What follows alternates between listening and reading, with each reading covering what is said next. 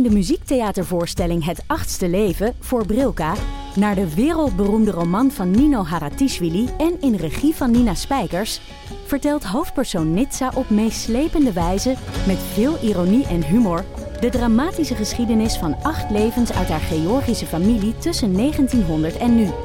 Een hartverscheurend en tegelijk troostrijk drama verteld vanuit het perspectief van vrouwen uit verschillende generaties. Waarbij het publiek meegenomen wordt op een emotionele, visuele en muzikale reis door de 20ste eeuw. Koop je tickets voor het achtste leven via oostpol.nl. Bla bla bla bla bla bla. Bla bla bla bla. Idealen zijn prachtig, maar woorden verliezen betekenis als je niks doet. Dus laten we met z'n allen wat minder praten en meer doen. Bij Agmea zijn we vast begonnen. Zo gaan wij voor minder verkeersslachtoffers, gezonde werknemers en duurzame woningen. Waar ga jij voor? Kijk op www.werkenbijagmea.nl. Dag echte kapiteins op binnenschepen. Welkom bij Damn Honey.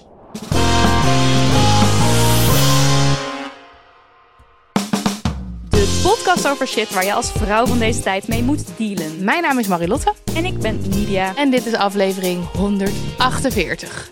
We gaan de week weer door. Wat gebeurde er zoal? Waar werden we boos, zet, huilie, huilie van? Huilie huilie. Ja, slachtofferrol wij, hè? Ja, altijd. Oh, we zijn. Ehm, dat bespreken we in de Damn Honey No. En wat maakte ons happy de peppy? Ook hè? mooi. Leuk, Ja? leuk. Woord wat ik nooit gebruikt. Ehm, de, Yep. Dat eh, gaan we in de Damn Honey S bespreken. Eh, ja, let's do it. Maar we beginnen eventjes met een, eh, met een leuk bericht. Nidia, draag maar voor. Hallo lieve Marilotte en Nidia. Dank jullie wel. Mijn dagelijkse wandeling wordt op zaterdag vaak vergezeld door jullie. Vandaag was daar de zomeraflevering over Mathilde Willink. Ik was met stomheid geslagen dat zij nog niet eerder tot mijn bewustzijn was doorgedrongen. De jurk en het schilderij had ik wel eens gezien. Ik woon in Deventer, bezoek graag musea, ben kunstenaar en als ik me goed voel ben ik best wat excentriek. Kortom, ik was jullie dankbaar voor het attenderen.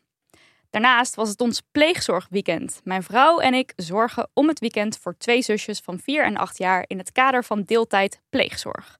Kortom, de meiden werden gebracht, zijn gewend aan ons en na de lunch was het tijd voor een leuk uitstapje.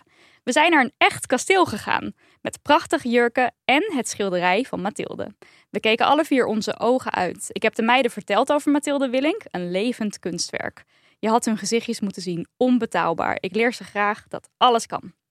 Ik kocht het boek van Lisette en ben dankbaar voor zulke nieuwe ontdekkingen in het leven. Eens te meer omdat het vuurtje in mezelf elke dag opnieuw aan te kunnen steken en te blijven kiezen voor mezelf en waar ik energie van krijg. Met een langdurige eetstoornis en beperkte gezondheid is dat soms best een uitdaging. Dus mijn dank is groot. Vergeet niet dat jullie soms net dat lichtpuntje, duwtje in de rug of aha-moment kunnen zijn, zodat ik, en volgens mij ben ik niet alleen, me gesterkt voel om door te gaan. Keep up the good work. Ik duik mijn boek weer in. Liefs, Lien. Zo leuk. Ja, Naar een heus kasteel gegaan. Dat is dat kasteel in Ruurlo waar daar ik ook jij was. ook. Ja, maar en, weet eh, je ook hoe dat heet, dat kasteel? Eh, ja, het is Museum Moor. En daar zijn twee, eh, ik denk dat je dat dependances noemt. Ik weet niet waarom ik dat denk. Dependances van. Omdat je een chique vrouw bent. Ja, precies. Dat, dat woord ken ik. Eh er zijn nou, twee afdelingen van, van Museum Moor. En eentje zit in Gorsel. Ja, ja. En eentje zit in Ruurlo. En dat is allebei meer in het noordoosten van het land. Eh, heel erg aanraden om heen te gaan. Het is erg geweldig. En luister ook de aflevering van Mathilde, over Mathilde Willing met Lisette de Zoete en eh, Marco Draaier. Want dat is leuk. Het is leuk. Het Het, is is, leuk. leuk. Nou had ik eigenlijk nog een leuk bericht, maar dat kwam in de vorm van heel veel screenshots naar ons toe van heel veel verschillende mensen. Namelijk dat er een soort docu gaande is over TBS. Ja, ja, ja. Dit kreeg ik ook in En mijn DM's. Daar is dus een pornografiecollectie waar mensen die dus in TBS zitten, zeg je dat op zo? Die manier? Ja, of tot TBS zijn veroordeeld. Ja. Is dat het? Nou ja, in ieder geval, die kunnen gebruik maken van die pornocollectie. En dat zijn dan ook boeken. Ik weet niet of ze ook video's hebben, maar in ieder geval ook boeken. Dat weten we zeker. En daar stond Damn Horny. Ja, dat is toch geweldig? Deze mensen die krijgen dus onze ontzettend gezellige feministische Inclusief eh, eh, de, de intersectionele porno voorgeschoteld. geweldig. Dat is... En, en het kwam ook goed in beeld, hè? Want we kregen Goed in beeld. Hij stond screenshot vooraan. met dat paarse boek. Mijn kont daar, hoppa. Het kan betekenen dat hij daar altijd staat en niemand het ooit aanraakt. Dat die stof staat te vangen, maar het kan ook betekenen hij staat vooraan. Zo van iedereen wil het lezen. En nu, Iedereen. Ja. ja, iedereen. Nou, maar ik vind het leuk dat mijn kont in beeld kwam. Want Vond ik ook leuk. staat op de voorkant. Eh, ja, dus dat was inderdaad ook een leuk bericht. En En, dan, ja, nog iets, nog iets anders. Wij gingen eh, naar de Cannon Parade eh, tijdens eh, Pride. En toen moesten wij heel nodig plassen. En toen hebben we allebei een plastuit gebruikt. Ja. En toen stuurde iemand, of nou niet iemand, meerdere mensen, maar in ieder geval één iemand, namelijk Luna Ware. Wow, ik wil hier over de plastuit een review horen in de volgende Damn Honey. Altijd willen proberen, maar nooit gedurfd. Dus als het een hit is, ben ik verkocht. Yes, jij hebt hem even meegenomen, die plastuit. ja, ik heb hem hier voor, mochten we hier een reel van maken, dan heb ik beeld van dat ik hier de plas uit vast heb. Maar ik kan hem ook even beschrijven. Het is een een, bakje, eh, het is een, ja, het is een soort bakje. Snavel. Ja, een bakje in de vorm van een snavel. Eh, en het- nou, deze is dan blauw. Komt in allerlei ontzettend leuke kleuren. Je begint helemaal in de Tupperware-mode te komen. koop allemaal dit. Ehm, en zeg maar, het heeft een beetje een soort een breder deel. En het heeft, nou ja, een tuut, zeg maar. Ja. En ehm, je kan hem dus op je vulva zetten. Of tegen je vulva aan, zeg maar. En dan plas je erin en dan komt, het, dan komt de eh, plas komt er dan zeg maar uit door die tuut. Ja. Dus alsof je een soort penis hebt eigenlijk. Werkte het? Ja, voor mij grote hit. En ik heb hier al een keer, ik heb deze gekregen van mijn schoonmoeder. Ik heb hier al cadeau een keertje. trouwens ook, hè? Dat was echt, dat is een topcadeau ook. Dat, ja, geef iedereen een plast uit. Iedereen met een vulva een plast uit. Ehm, maar ik heb hier volgens mij al in over gepraat in de inbel-aflevering. Over hoe ik stond te plassen achter een tent. En toen was ik dronken. En dat ik zo me ineens voor kon stellen hoe het kan dat mensen in grachten vallen als ze dronken in grachten En staan te plassen Ja. omdat je hele je bloeddruk verandert gewoon helemaal. Dus ik werd helemaal wazig. Maar nu was ik niet echt dronken hier nu bij de Pride en ik ging in eerste instantie gingen wij allebei in de rij staan voor de De Dixie. Ja. Want ja, een mens wil een eeuwenlange rij. privacy. Ehm, want ik was sowieso wel van plan dit ding te gebruiken. Maar er was een hartstikke lange rij. En toen zei, ik denk iemand in de rij tegen ons... ga gewoon daar of zo, toch? Want ik riep iets over een plast precies. uit. En volgens Ja. mij werden we aangemoedigd door iemand in de rij. En toen dacht ik, fuck it. Bij zo'n, eh, ja, niet een krul die er vast staat, maar die ze dan zo even tijdelijk neerzetten, waar Ja. dan vier mensen tegelijkertijd kunnen plassen. In kunnen plassen. Ja. Vier mensen met penissen. En eh, dan, eh, toen dacht ik ook, fuck it. Het is mijn feestje. Het is mijn pride. Ja. Ik ga hier gewoon, ik doe dit. Ja, Dus ehm, vervolgens heb ik mijn broek naar beneden getrokken. Zeg maar Ja. een beetje, want dat Maar- moest wel, want ik heb geen gulp. ja, maar er stond dus wel iemand achter jou. Ja, een Eh, vriend van een mij die ging achter mij staan met zijn jas om mij toch een beetje enigszins een beetje privacy te gunnen. Ja, want je had een legging aan, geloof ik, dus je Ja, moest het echt ik moest hem helemaal echt naar beneden trekken. Ja.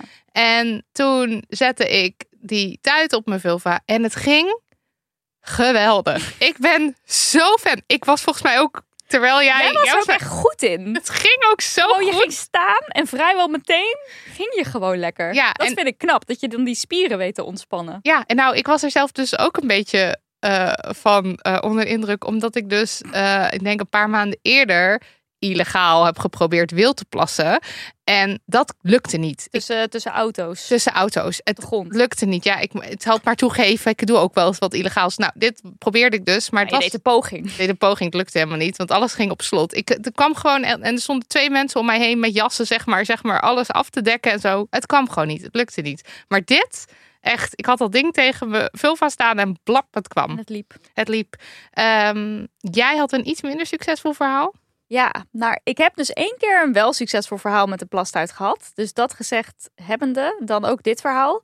Ehm, bij mij ging het echt, het ging allemaal mijn legging in. Ja. Ik voelde het gewoon zo, dat warme vocht voelde ik zo overal stromen. Ja, dat, nee, het ging helemaal fout. Maar ik denk, ik weet dus niet of het waar is. Ik zou het nog moeten checken dat ik iets te klein ben. Maar dat kan, nee wacht, het kan wel. Jawel. Als je een penis hebt, kan je een beetje omhoog met een boogje plassen. Ja, maar die geeft hartstikke mee. Is van heel, eh, heel. Toch? Dat kan toch? Ja, dat is van heel Ik rekbaar opeens materiaal. denken van, zit ik dat nou zelf te bedenken? Ja, maar ik je kan hem gewoon omhoog? maar Ik denk dat het ook een soort van Nee, kwestie van logisch denken Ja, is. nee, dat, dat je heus wel de penis omhoog kan houden. Maar ehm, ik ging dus een beetje die tuut een beetje omhoog zitten richten.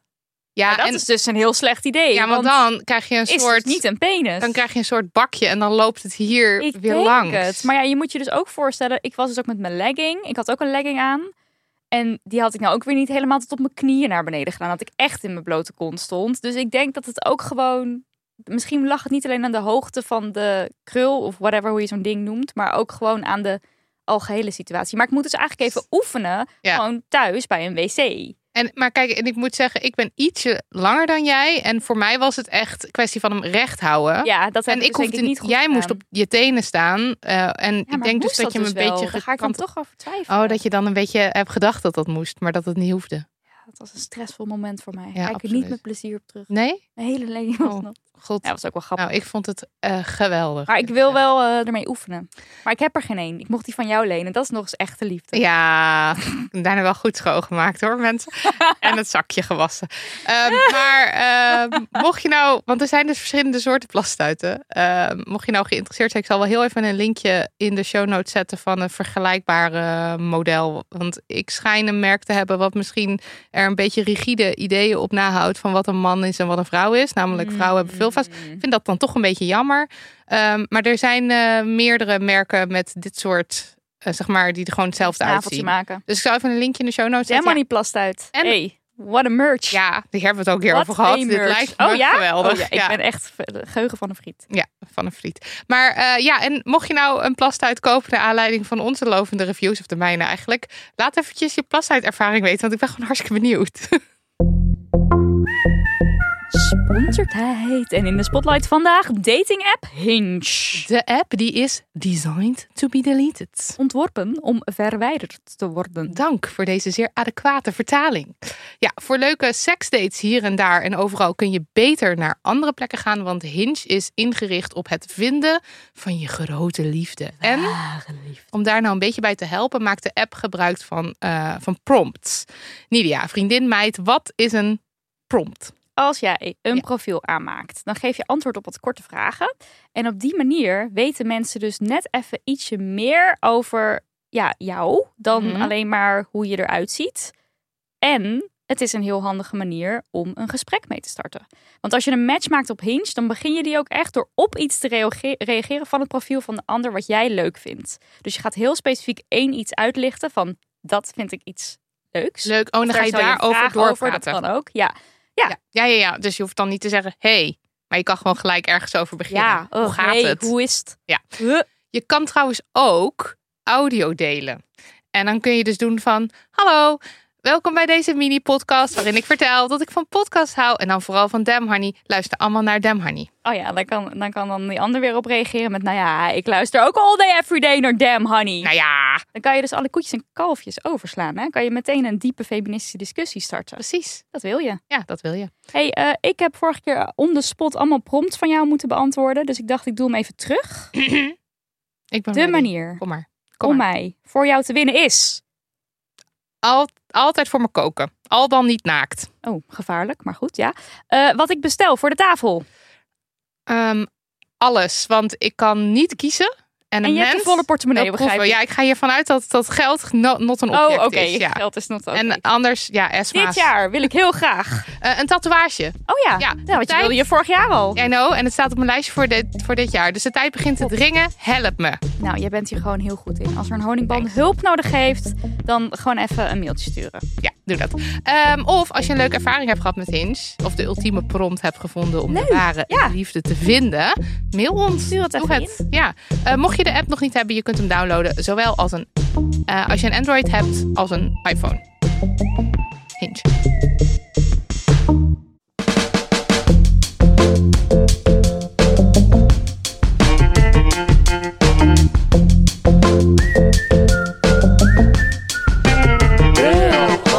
Oké, Eh, Nidia, jij hebt de no van deze keer. Wat voor akeligs kwam jij allemaal tegen?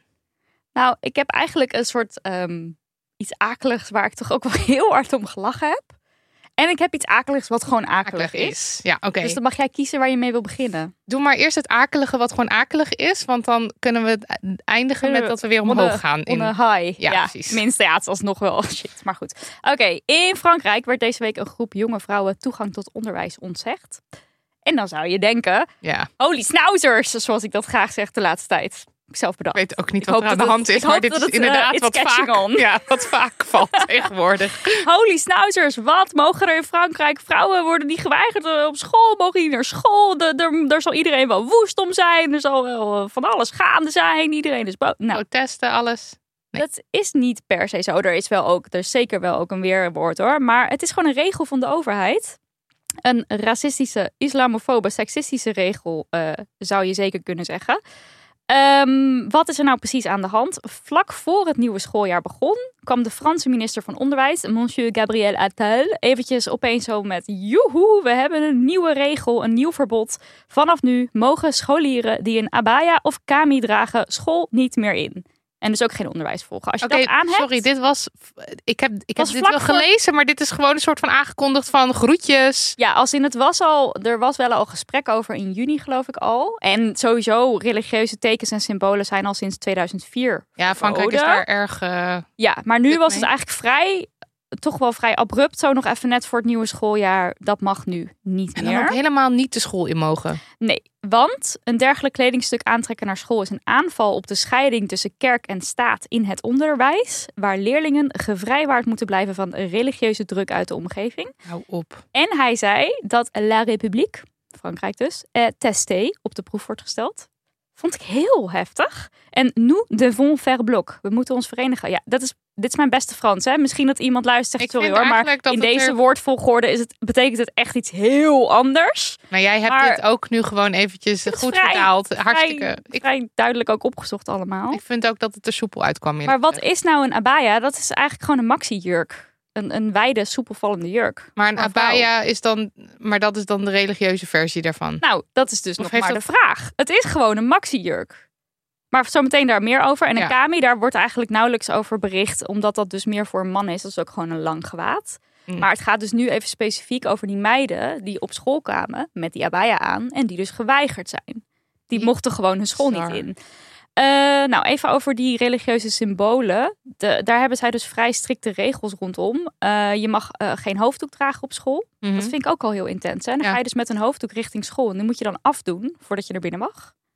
Ja. Vak. Keppel mag niet, kruisje mag niet. Maar dat is, dit doet me wel denken aan, de, aan die regels van bij de politie, waar we het ook laatst over ja. hadden. Dat, ja, maar dan op school. En dat is, en, gaat ver. En op school, ik bedoel, het onderwijs wil je graag seculier houden. Nou, als je dat wil, dan kan ik me, dat begrijp ik wel. Ja. Maar als een leerling een keppeltje, een hoofddoek, dat zegt toch niks over dat het onderwijs vervolgens. Dat maakt, inderdaad, want, want bij de politie was de hele tijd het hoofd. Het hoofdargument was: de politie moet neutraal, neutraal zijn. Ze maar waarom racistisch zijn? Maar, maar neutraal. Ja.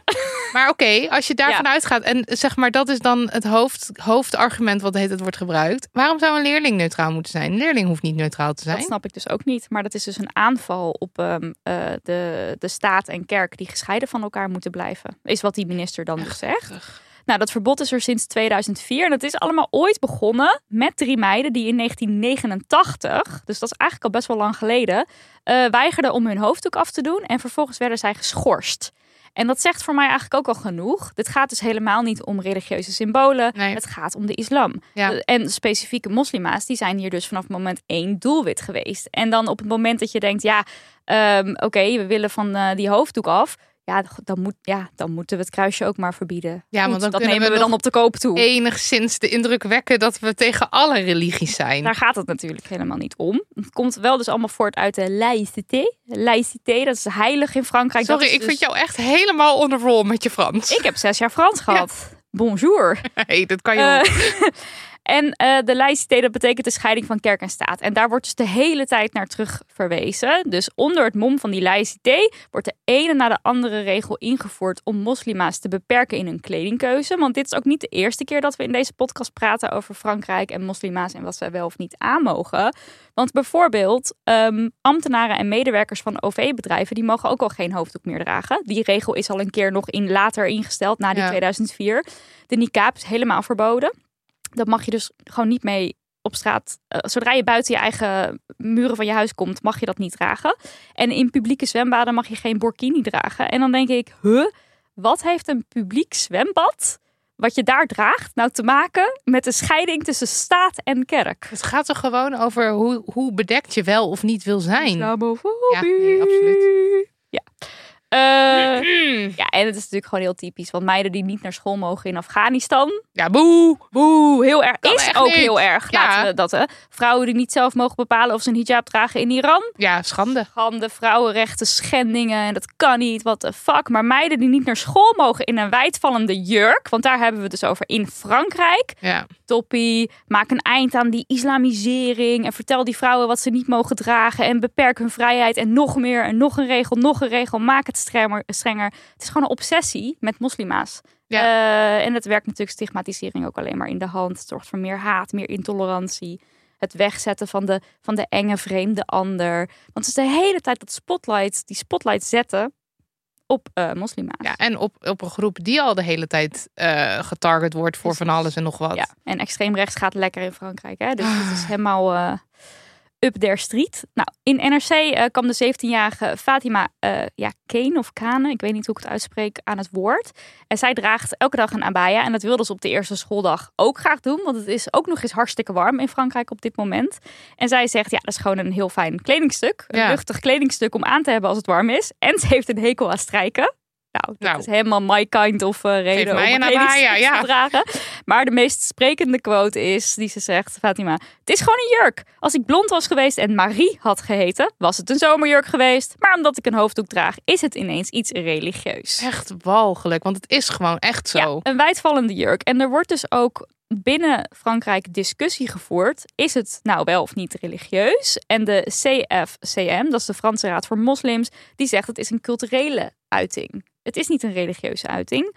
En er zijn ook diverse antropologen die zeggen dat de betekenis van het kledingstuk per individu verschilt. Dat stond in de Volkskrant. En volgens mij heb ik ook op Twitter van die draadjes langs zien gaan waarin dan zeg maar abaya's naast regular zomerjurken werden gezet. Maar het ook zijn en dat dus je ook, gewoon, ja, dus zeg maar, wat is dan zeg een abaya? ja, nou ja, dat vraag ik een me dus af. wijdvallende zomerjurk die dus eh, jou in principe helemaal bedekt, behalve je eh, handen en je voeten. Ja, En, dat- en die modest kledingstijl, die zie je natuurlijk ook af en toe, is er ook een soort eh, ja, trend. Trend gaande. En dan zie je ook gewoon heel veel winkels die dat, die dat vol in de winkel hebben hangen. En is het zo dat een, een abaya, eh, dat het zeg maar aan bepaalde voorwaarden moet voldoen en dan is het een abaya? Of weten Nou, ik neem niet? aan dat een abaya dus niet eh, een heel strak, ehm, compleet bedekkend, doorschijnend kledingstuk zal zijn. Nee, precies. Het is gewoon de, de modest fashion. Ja, modest, ja, modest fashion. Ja. En je ziet dus ook nu heel veel meiden die dan eh, tips gaan geven over wat je dan wel aan zou kunnen doen. En dat zijn dan ehm, losvallende tops, bijvoorbeeld met een losvallende broek. Bizar. Er wordt gewoon meiden ontzegd.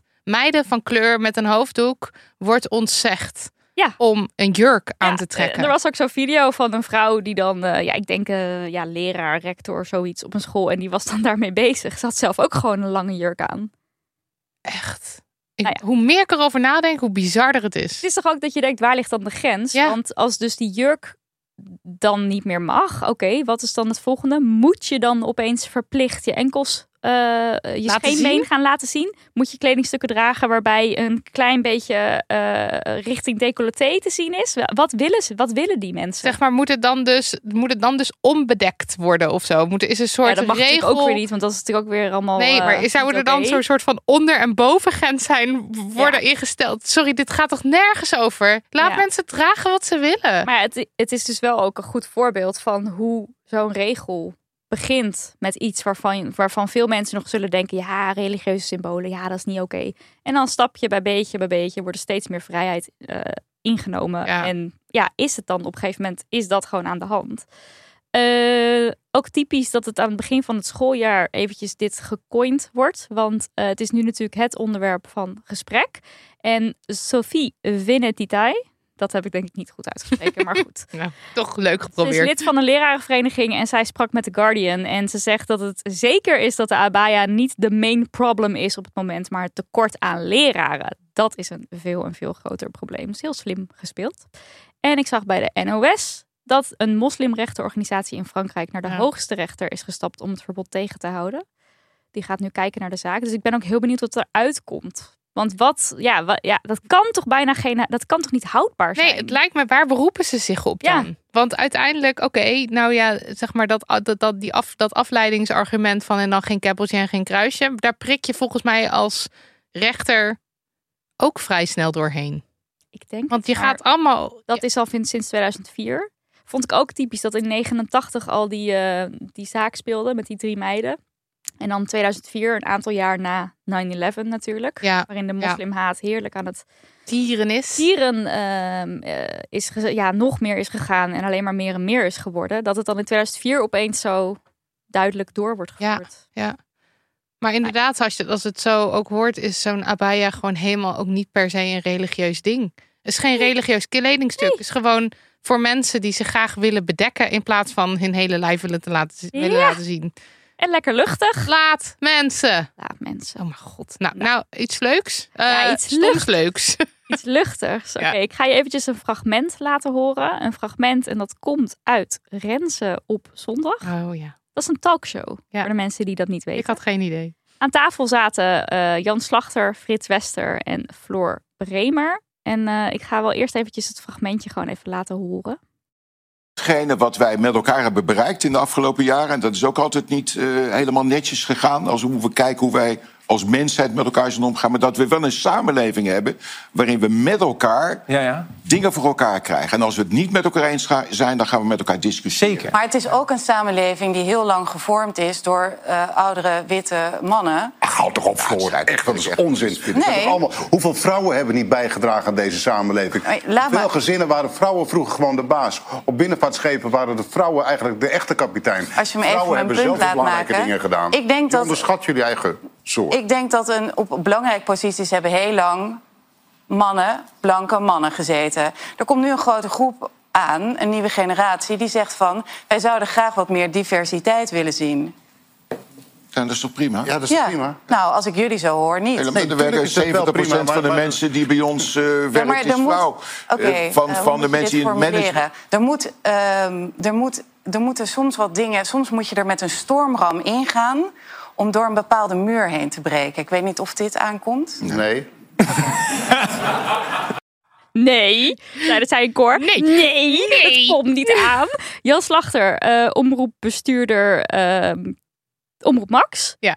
En Frits Wester, ja, ik weet niet, is hij nog steeds gaande? Is eh, parlementair verslaggever. Ik ken hem vooral nog van vroeger van het RTL Nieuws. En dan ging hij altijd de politiek eh, duiden. Ja, daar ken ik hem ook van. En ik, ik zie nu opeens zo'n hele, zo'n zo'n nukkige man die absoluut niet wil luisteren. Het is eigenlijk zo grappig, want je denkt van een, iemand uit het nieuws en, en van het duiden. Nou, die staat wel open voor een beetje nuance, maar dat is nee, gewoon niet. dat is Nee. absoluut niet zo. Nou, Nee. en Floor Bremer is politiek verslaggever. En eh, je hoort haar dus eh, vrij goed een punt maken. En juist de reactie van de mannen laat denk ik heel goed zien eh, wat er nog mis is. Maar ja, ik moest hier dus... Ik moet hier wel om lachen, eerlijk gezegd Ik heb hoor. hier zo hard om gelachen. Deze, die Frits Wester, die is dus notabene politiek verslaggever geweest. Die heeft jaren, of misschien dus nog steeds, dat weet ik niet. Maar hij heeft echt jaren daar rondgelopen. Bij Dan die... zie je toch dat dat allemaal mannen zijn. Dat zie je toch gewoon jarenlang, zie je dat toch aan de hand. En dat dat langzaam meer wordt. Ik, Meer vrouwen bedoel ik. Ja, precies. Maar langzaam, maar nog steeds niet 50-50. Nog steeds is het ook nooit gebeurd dat we misschien zelfs een beetje overhellen. Dat er wat meer vrouwen dan mannen zijn. Ook in de gemeenteraad is het gewoon vaak. Dat weet deze man. Ja, En dan komt hij met het geweldige argument. Ik, ja, ik moet elke keer lachen als ik het hoor. Op binnenschepen waren vrouwen de echte kapitein. Waar heb jij het Ik weet niet. over? Binnen- Welke binnenschepen? Hoeveel mensen... binnenvaartschepen. Maar ik weet ook niet, binnenvaartschepen toch? Oh, hij zei ik binnenschepen. Oh, nou maar goed, ja. ja, weet ik niet. Maakt Maar niet uit. Maar binnenschepen of binnenvaartschepen, Ja. wat de fuck zijn het? Waar, hoeveel mensen zijn dit? Waar heb jij het over? wat is het voor super specifieke Ja. tak van sport? Ja, dat is toch grappig dat hij dat dan aanhaalt. En in het gezin, hè? Ja, en daar moet ik ook zo om lachen elke keer. Omdat ik dan denk, oh ja, omdat een vrouw dan tegen de man zei van... schat, kan je alsjeblieft je schoenen uitdoen, want ik heb net gedwijld. Hij is ja, de echte baas Ja. Wie, heeft, wie heeft er financieel wat te zeggen? Eh, wie heeft de politieke macht? Wie, wie zit er aan de knoppen bij de bedrijven? Wie heeft er Eh, structureel geen reet te vertellen? ja. Vrouwen. Precies, ja, echt. Oh mijn god, verdiep je toch een klein beetje in iets voordat je zo ongenuanceerd shit gaat lopen roepen op nationale televisie. Maar je- Geef mij dat zelfvertrouwen als je, als je. Ja, nee, alsjeblieft. dat heb ja. Als ik nu gevraagd word Ja. bij een talkshow, wil je iets vertellen over feminisme? Dan denk ik, ben ik wel de juiste persoon? Ik weet niks. Frits Wester weet alles. Alles. Kan je daar gewoon neerzetten? Maar niet uit welk onderwerp. De De binnenvaartschepen. binnenvaart, daar kan hij wat mee. De Hij weet overal wel wat van te maken. Hij zegt gewoon, ja, hij kan alles duiden.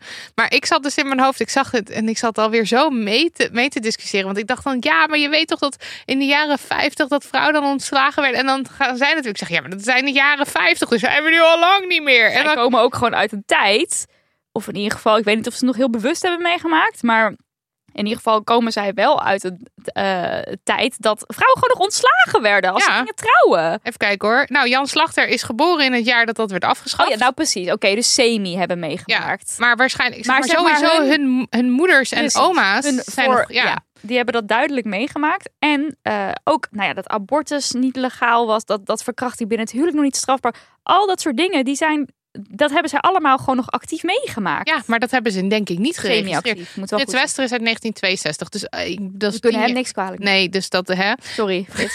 Sorry, Frits. Dat wist, hij wist niet beter. Maar ik dacht wel, want ik bedoel, ik heb, eh, de, de, ik heb het wel eens over gehad dat de, de oma van Cato, dat we die Precies. brief tegengekomen Ja. zijn dat zij werd ontslagen. Dat Ja. was volgens mij na de jaren 50 nog, want eh, dat, toen was het volgens mij niet al niet ingevoerd, maar wel nog gebruikelijk. Oh ja, dus dan Zeg maar, dat was het al afgeschaft. het misschien ook wel aantekenen of zo. Of een soort van aanvechten. Ja, maar dat deed niemand. nee, dat deed je niet. Want ja, normaal. er werd er op je neergekeken Ja. en je, vrouw, en je bent een vrouw en je, Ja. dat huishouden is jouw plek. Ja, nog steeds is er natuurlijk zoveel ongelijkwaardigheid. En dan, en dan dat deze mannen dat Echt. heerlijk in, de, in, die, in, die, in die anti schieten. En zo goed wat zij ook zegt. Van ja, we hebben ook even een stormram nodig. Om even volle bakker tegen in te gaan. Want er verandert niks. Maar komt dit aan of eh, niet? Nee. Nee. Nee! Binnenschepen. Binnenvaartschepen. Ik moest erg, erg, erg, zin om, erg om, echte kapitein te zijn op een binnenvaartschip. Hoe word je kapitein op een binnenvaartschip? Ik ben toch wel ook wel gefascineerd Nee, geraakt. nee, ik heb nu mijn rijbewijs. Dit is- ik ga door voor ja. een binnenvaartschip. Dit is het. Ik doe het, want blijkbaar is het daar eh, hartstikke goed voor vrouwen om daar carrière te maken. Apparently. Nog even een sponsor. Leuk. Het grootste literatuurfestival van Nederland komt eraan. ILFU. Het, Heel vu. ILFU.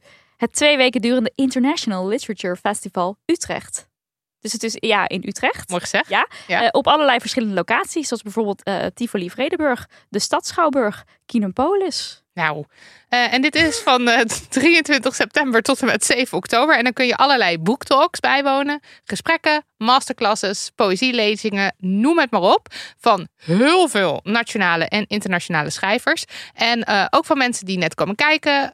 maar ook mega beroemde literatuursterren. Ze zijn er allemaal. Nou, bijvoorbeeld een mega beroemde literatuurster Maggie Nelson. Op 23 september kun je Oh. een boektalk van haar bijwonen. Schrijver van onder andere de Argonauten.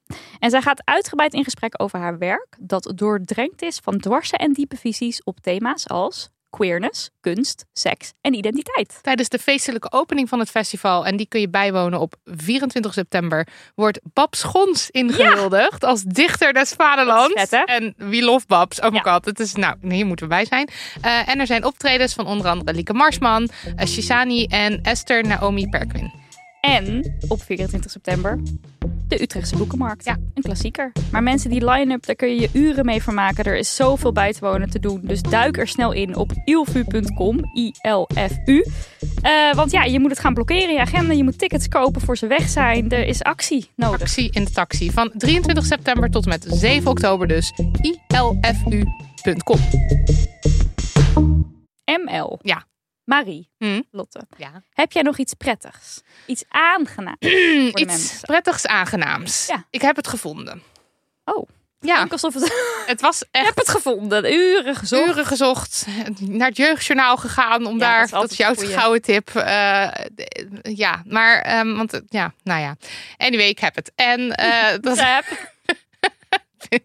ik ben eventjes, even, ik kruip even uit de slachtofferrol nu. Ja. En nu heb ik gewoon iets leuks. Ja. Ehm, de Amsterdam Fashion Week is geweest. Kunnen we niet meer heen. Is net voorbij. Was van 30 augustus tot 2 september.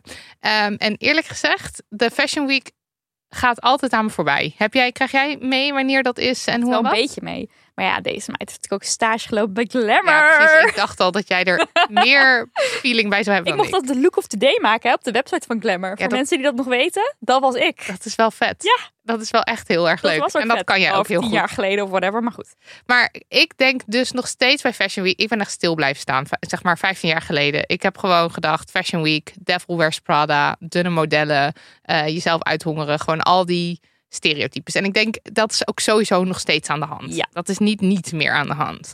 Ehm, wat, heb jij nog gedachten bij Fashion Week? Of eh, denk je dat ook? Of dacht jij al verder? Ik vind het ook altijd wel heel leuk om looks te zien en zo. Ik weet ook wel dat er heel veel problematische shit is. Maar ik vind het ook, ook vet om Ook vet. toch wel filmpjes en dingen te zien, ja. Ja.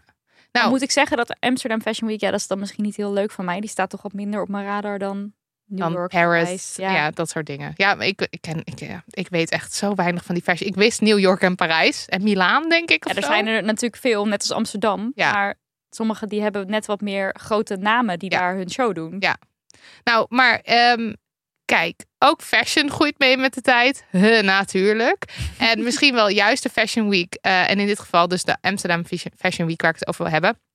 En die staan dan dus bol van de nieuwe verse jonge designers. Dat is leuk aan Amsterdam inderdaad. Ja. Ja. En die willen wel gewoon verandering. En die zijn best wel heel erg op een hele natuurlijke, vanzelfsprekende manier bezig met upcycling, met eh, gender als iets fluïdes zien, eh, maar ook met maatinclusiviteit.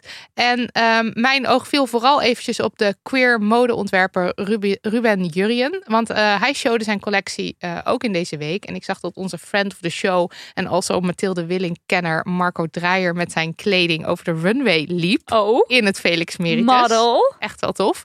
Ehm, en Ruben Jurjen, die eh, maakt dus kleding voor alle maten, zeg maar. Want hij zelf liep er vroeger tegenaan dat hij dus niet de kleding kon dragen die hij wilde. Mm. Omdat hij een wat voller mens is. Eh, want het werd gewoon niet gemaakt. Nou, daar kon ik me enorm mee identificeren. Want ik had dit ook allemaal. Ehm, en daarom is hij dus zelf kleding gaan maken. Wat trouwens dus niet zonder slag of stoot ging. Want ook de modeacademie, daar hadden de mensen zoiets van... Hmm, ga je kleding maken voor dikke mensen? Echt waar. Maar goed, dat heeft hij dus wel gedaan. En met zijn collectie, die hij dus ook eh, tijdens deze week heeft laten zien, eh, wil hij laten zien dat mode is voor iedereen. En dan zegt hij: Ik heb niets met de smalle, dunne modellen op de catwalk. Ik hou van die er trouwens ook gewoon mogen zijn. Maar goed, hè? Eh, dat is, nee, nee, nee, nee. Ja, hij heeft daar niks mee, omdat dus, dat is wat we altijd never ending Precies. gezien hebben en waar we helemaal mee doodgegooid zijn. Maar ik hoorde mensen alweer, Ja, die mogen nee, er ook zijn en die mogen Ja. er ook zijn. Ja. Maar eh, hij heeft er niks mee en dat mag ook. Eh, ik hou van ruimvallende kleding die zowel vrouwen als mannen kunnen dragen. Niet genderneutraal, maar gendervrij. En iedereen moet zijn kleding dus kunnen dragen, ongeacht postuur. Dus ik dacht, oh dat is tof, want dan gaat die collectie lekker...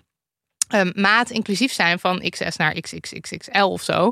Ehm, en als je op zijn website kijkt, hij verkoopt wat eh, kledingstukken. Kan je eigenlijk alleen kiezen tussen oversized en supersized. Het zijn gewoon twee Ah, maten. Dat ja. vond ik al leuk. Maar zijn kleding is dus ook verstelbaar. Oh ja, dus En- het is voor, dus automatisch voor verschillende lichamen. ja. Want je hebt dan zeg maar jassen die op maten plooien zijn. En jeans die je als om je, om je lichaam heen wikkelt. Dus zeg maar, eerlijk gezegd, dit klonk geniaal. Ja. Omdat ik de hele tijd uit mijn kleding groei. Eh, en, En dan kan je het dus gewoon ja, bijstellen eigenlijk. en Of zou het dan voor één keer zo genaaid worden? nee, Weet je dat niet? volgens mij niet. Ik heb het idee dat het dus echt verstelbaar is. Nou ja, dat heb ik niet gelezen. Maar Ja, ik handig ook, ja, Ik echt. ging hier meteen op aan. Dus zeg maar, hij zegt dan ook: ik kan dan in één broek vijf maten kwijt. Dus Nou ik ja. denk dus dat eh, een, ze- andere modellen met andere lijven kunnen die broek dan dus dragen. Ja. Ik vind dat erg tof. Nou, en dan zegt hij: het kledingstuk vormt zich dus naar jou in plaats van andersom. En dat zou dus ook moeten. Ja, Kleding, jij moet niet kleding passen, kleding moet jou passen. hoe vaak het toch wel niet is dat je iets aan hebt en dat je denkt, oh, maar eigenlijk zit het me helemaal niet lekker. Ja, Ik, Maar ik doe nou, het toch aan. ik ben helemaal fan van eh, eh, deze designer. Eh, ik zal ook wat linkjes delen in de show notes met foto's en zo. Ik zit al te kijken op die website. Ja, maar ja, en heeft dan vooral veel. Flamboyant. Ja, leuk hè? Leuk. Ja, heel leuk. En hij heeft ook, ehm, je ziet ook veel stropdassen in zijn collectie. Omdat hij ehm, stropdas in principe als iets verstikkends ziet. Omdat de man Oh, dat ja? moet dragen. Zeg maar als een soort om, om zich goed voor de dag te presenteren. Mhm. Tegelijkertijd zegt hij, het is ook altijd van een soort van mooie stof gemaakt. Het zijn vaak mooie kledingstukken. Ja. Dus hij verwerkt dat in zijn kledingstukken. Ah. En dan heeft hij blouses en broeken en zo met stropdassen. En dat vind ik dus ook tof. Ehm, nou zegt eh, Dani Bles, directeur van de Amsterdam Fashion Week, die zegt dat iets als maatinclusiviteit voor de Amsterdamse fashion het nieuwe normaal al is. En dat het eigenlijk al eh, is dat ehm, de, de designers zeg maar je eigenlijk een beetje raar aankijken als je zegt je moet wel maat inclusief zijn, omdat dat voor hen dus dan iets vanzelfsprekend is. Ik weet niet of dat klopt, maar als dat klopt, dan vind ik dat wel vet. Ehm, en een goede ontwikkeling. Eh, en het is zeker nog niet de standaard, want de, eh, het vakblad Vogue Business heeft een onderzoek gedaan en kwam tot de conclusie dat het aandeel vollere modellen op de modeweken van Parijs, Londen, Milaan en New York slechts nog 4% bedraagt. Dus dat is echt een heel klein percentage. Ja. Niet oké. Maar ik heb dus wel, eh, zeker van Ruben, gewoon weer een beetje dat ik denk, ja, een, een hernieuwde haat voor de fast fashion. Want eh, hij, dit is gewoon veel leuker en, en, en duurzamer. En eh, ja, ik snap ook wel, je wil kleding dragen en het is een manier om je te uiten. Het is ook een soort kunst. Ja. Eh, maar krijg je gewoon een beetje levensenergie van weer. Ja. ja. Zie je helemaal stralen. Ja, dus nou, is, is de Fashion Week iets waar je heen kan? Het gaat echt langs me heen altijd. Ik Moet je daarvoor denken, uitgenodigd moet worden? uitgenodigd worden? Maar misschien dat je ook wel voor sommige shows gewoon een kaartje kan kopen of gewoon erheen kan. Want Nou, het zal niet allemaal eh Als je luistert. Chanel zijn. Al helemaal niet in Amsterdam. Dus, nee, eh, nee, precies. Dan kan je. Ja, maar volgens ik mij weet was niet of je naar Chanel mag. Misschien als je het heel lief vraagt. Chanel, als je luistert. Ja. Oké, en dan heb ik nog een tweede ding. Oh. En Zie je nou, je bent helemaal on fire. I know, maar je kan je afvragen of dit een yes is. Oh. Maar ik doe het toch als yes, want het geeft me ook weer de kans om het even te hebben over het klimaat. Oh, En? leuk. Mensen heus niet op te roepen de aankomende weken mee te doen met de protesten tegen fossiele subsidies van Extinction Rebellion. Hoeveel fossiele subsidie was het ook alweer volgens de laatste rapporten? 37,5 miljard. miljard. Ja. Ja, dat is zoveel, daar heb ik niet eens een idee van. Nee, dus boeien.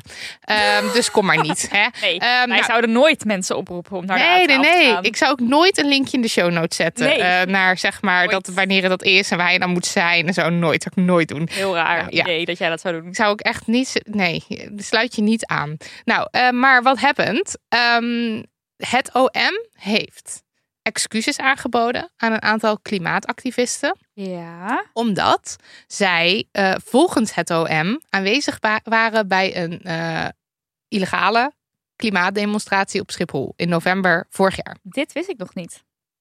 Dat er excuses zijn aangeboden. Oh ja, nee, dat was van, van nou ja, ja, dat is net, dat is nieuws. Want ja, ik zit bovenop het nieuws. ja, heel goed. Ehm eventjes, eh, wat is er gebeurd? Ik denk dat de meest vocale van deze mensen die vals beschuldigd is, is eh, Kirsten Verdel. Oh, ja. En ehm, zij, ja, zij heeft daar hele tweets en dingen over gemaakt de hele zomer. Want zij heeft op 5 eh, juli, of begin juli, heeft zij een brief gekregen van het OM. Waarin dus stond, hoi, jij was aanwezig op deze illegale klimaatdemonstratie op Schiphol. Je bent door de hekken gebroken, dit was gevaarlijk, dit is een misdrijf. Ehm, deze brief is een waarschuwing. Ehm, maar als je nog een keertje op zo'n protest bent, dan is het niet meer een waarschuwing. Dan heb je het een misdrijf begaan. Ja. En zij zette die brief op, eh, op Twitter en ze zei: Sorry, maar wat de fuck? Ik was daar helemaal niet. Ja, en zij is ook niet iemand die iets, echt iets heeft met eh Extinction Rebellion, toch? Is niet iemand die de hele tijd aan de lopende band mensen loopt op te roepen om naar de A12 te gaan. Nee, volgens mij is, is het ook een beetje. Zij heeft dan zelf het vermoeden. Kwam ik, eh, maakte ik op uit haar draadjes en dingetjes en zo. Dat zij een keertje iets geliked heeft van XR of zo. Waarop dan ook weer gebaseerd was dat zij het dan moest zijn of zo. Of dat dat in ieder geval gebruikt is als informatie om, om te denken van, nou, dat is een XR-sympathisant. Ehm, veel demonstranten hebben geen identificatiebewijs getoond of konden dat niet tonen eh, tijdens de demonstratie. Dus toen hebben de marechaussee en justitie daarna geprobeerd eh, de mensen te identificeren. En dat hebben ze dus bijvoorbeeld gedaan middels social media en met, met foto's en zo. Daar zijn ze niet zo heel goed in. Bizar. Eh, nou, een flink aantal mensen kreeg een schriftelijke waarschuwing dat zij aanwezig waren daar en dat dat niet mocht. En daar zijn dus ook een aantal mensen valselijk beschuldigd. In ieder geval zeven. Die hebben dus nu hun excuses gehad. Ehm, en ik, maar ik vind alleen dit al dus doodeng. Dat je gewoon die brief op de mat kan krijgen met jij was daar. En bewijs maar eens dat het niet zo is. Als Ja. het niet zo is. Ehm, en dat was dus ook de reactie van het OM. Toen zij zei, ik was daar niet. En dan zegt het OM, bewijs dat maar. Dat is toch de omgekeerde fucking wereld? I know. Dan kan, van, dan kan het OM van iedereen wel zeggen, jij was daar. Nou, mag ik heel even kort er hierop aansluiten? Want heb je ook gelezen dat er een jongen uit Tilburg, een man uit Tilburg, Marokkaans-Nederlandse eh, man, al zes weken in Spanje wordt vastgehouden? Nee. Ja, omdat hij eh, een gevaar zou zijn voor de nationale veiligheid. Hij ging gewoon op vakantie. Als in dit is een Nederlandse man. Nederlandse man, ja, en ook Marokkaanse roots. Ja. En die ging gewoon op vakantie. Naar met zijn Spanje? vriendin. Ehm, onderweg naar vakantie in Marokko. Oh, Marokko. En onderweg naar Marokko, maar in Spanje zit hij vast. Oh, oké. Ja, ja, ja. Valencia. als ik het eh, goed heb eh, gelezen. Maar ik moest dit nu even heel snel opzoeken, omdat jij nu hierover begint. Ik wist niet dat we het hierover gingen hebben. Maar omdat dit zo enorm hierop aansluit en er vanuit de mm, XR-beweging natuurlijk heel veel kritiek is, Ja. logisch ook. Ja. Maar eh, dit is ook aan de hand. En Bizar. dit is ook fucking eng. Hij Want dit staat is een dus- jongen die zegt, ja, ik ben wat... Of een man, ik weet even niet hoe oud hij precies is.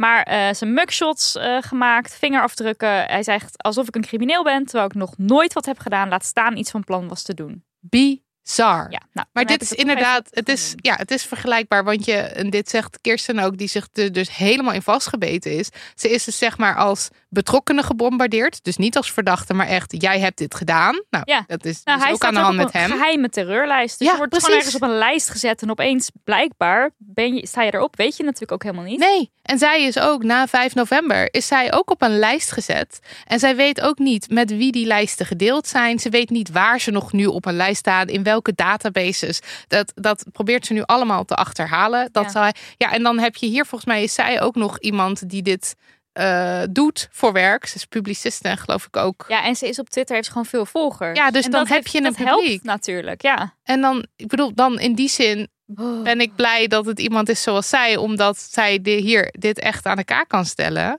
Maar het is ja, die bizar. jongen zit, of die man zit al zes weken vast. Dat is toch Zo niet langer ondertussen. Nou, eh, dus kijk. Ja. Dit kan dus iedereen overkomen. Ja. Dat gevoel heb ik hier heel erg bij. Ik vind het dan wel prettig dat er in ieder geval nu excuses aangeboden is. Maar dat komt echt omdat Dat hier komt door Kirsten. komt door haar. Ja. Anders was het denk ik niet gebeurd. Ik denk het ook niet. Maar ik vind het, ja, ik vind het echt een beetje Big Brother is watching you. Maar ook nog niet goed. Want ze Ja, identificeren... doe even wat beter je best dan. Godsamme. Ja. Nou, ehm, anyway, lijkt mij dus verder onzin om nog eens te vermelden dat je je kunt aansluiten bij de protesten van Extinction Rebellion. Ja, want dat Eh, zouden wij nooit Nee, dat zouden we nooit zeggen. doen. We Linkje. zouden ook niet zeggen niet dat je ook gewoon naar de support demo kan gaan. Hè? Nee, en dat het dat gewoon- vindt om bijvoorbeeld iets illegaals te doen, dan eh Kan je dan daarheen? wel, eh, ja, Ja, boeien. maar dat zouden we nooit zeggen. Maakt niet uit. Dit was aflevering 148. Show notes vind je op dermoney.nl slash aflevering streepje 148. En in de loop van de week vind je daar ook het transcript. Bedankt Daniel van de Poppen, Lucas de Gier en Lisbeth Smit voor jullie hulp. Veel, veel dank ook aan Amperscript voor je hulp. Namelijk het gratis beschikbaar stellen van de amazing software. Die gewoon automatisch die tekst die wij allemaal hier zo zitten te brabbelen. ehm, omzet naar gesproken, geschreven tekst. Ja, het is geweldig. Maar daar moet altijd nog wel het een en ander aan geschaafd worden. Ja. En daarvoor hebben we het geweldige transcriptteam. Marleen, Marlou, Marloes, Elise, FQ, Shura, Barbara, Joan, Fenna, Sabine, Maaike, Dirk, Laura, Lisanne, Rivka, Sabina, Hanna. En voor de laatste keer, want ze is begonnen aan een fantastisch leuke Oh. nieuwe stage. Ons Melissa. Liz, dank voor alles. Eh, gaan we door? Kletsen? Eh, ja, wij kletsen door in eh, Je doet het er maar mee. eh, onze bonuspodcast. En die kun je luisteren als je ons vanaf 1 euro per maand steunt op petjeaf.com slash damhoney. En we gaan het hebben over jouw vakantieproject. Of eigenlijk onze vakanties. Maar we gaan even inzoomen op jouw project. Namelijk, jij ging full Maricondo. Het was life-changing. Ga je tips en tricks delen met ons? Misschien. Nou, tune lekker in mensen. petjeaf.com slash damhoney. Of niet. Zelf Als je weten. niet je huis helemaal aan kant wil en een life-changing ervaring wil doormaken, moet En je ruimte echt in dat weten. koppie. Ruimte in dat koppie creëren. Precies. Zelf weten. Zelf weten. Nog even over die grootse en epische muziektheatervoorstelling. Het achtste leven voor Brilka is een marathonvoorstelling van 5 uur. Koop je tickets voor deze bijzondere theateravond via oostpol.nl.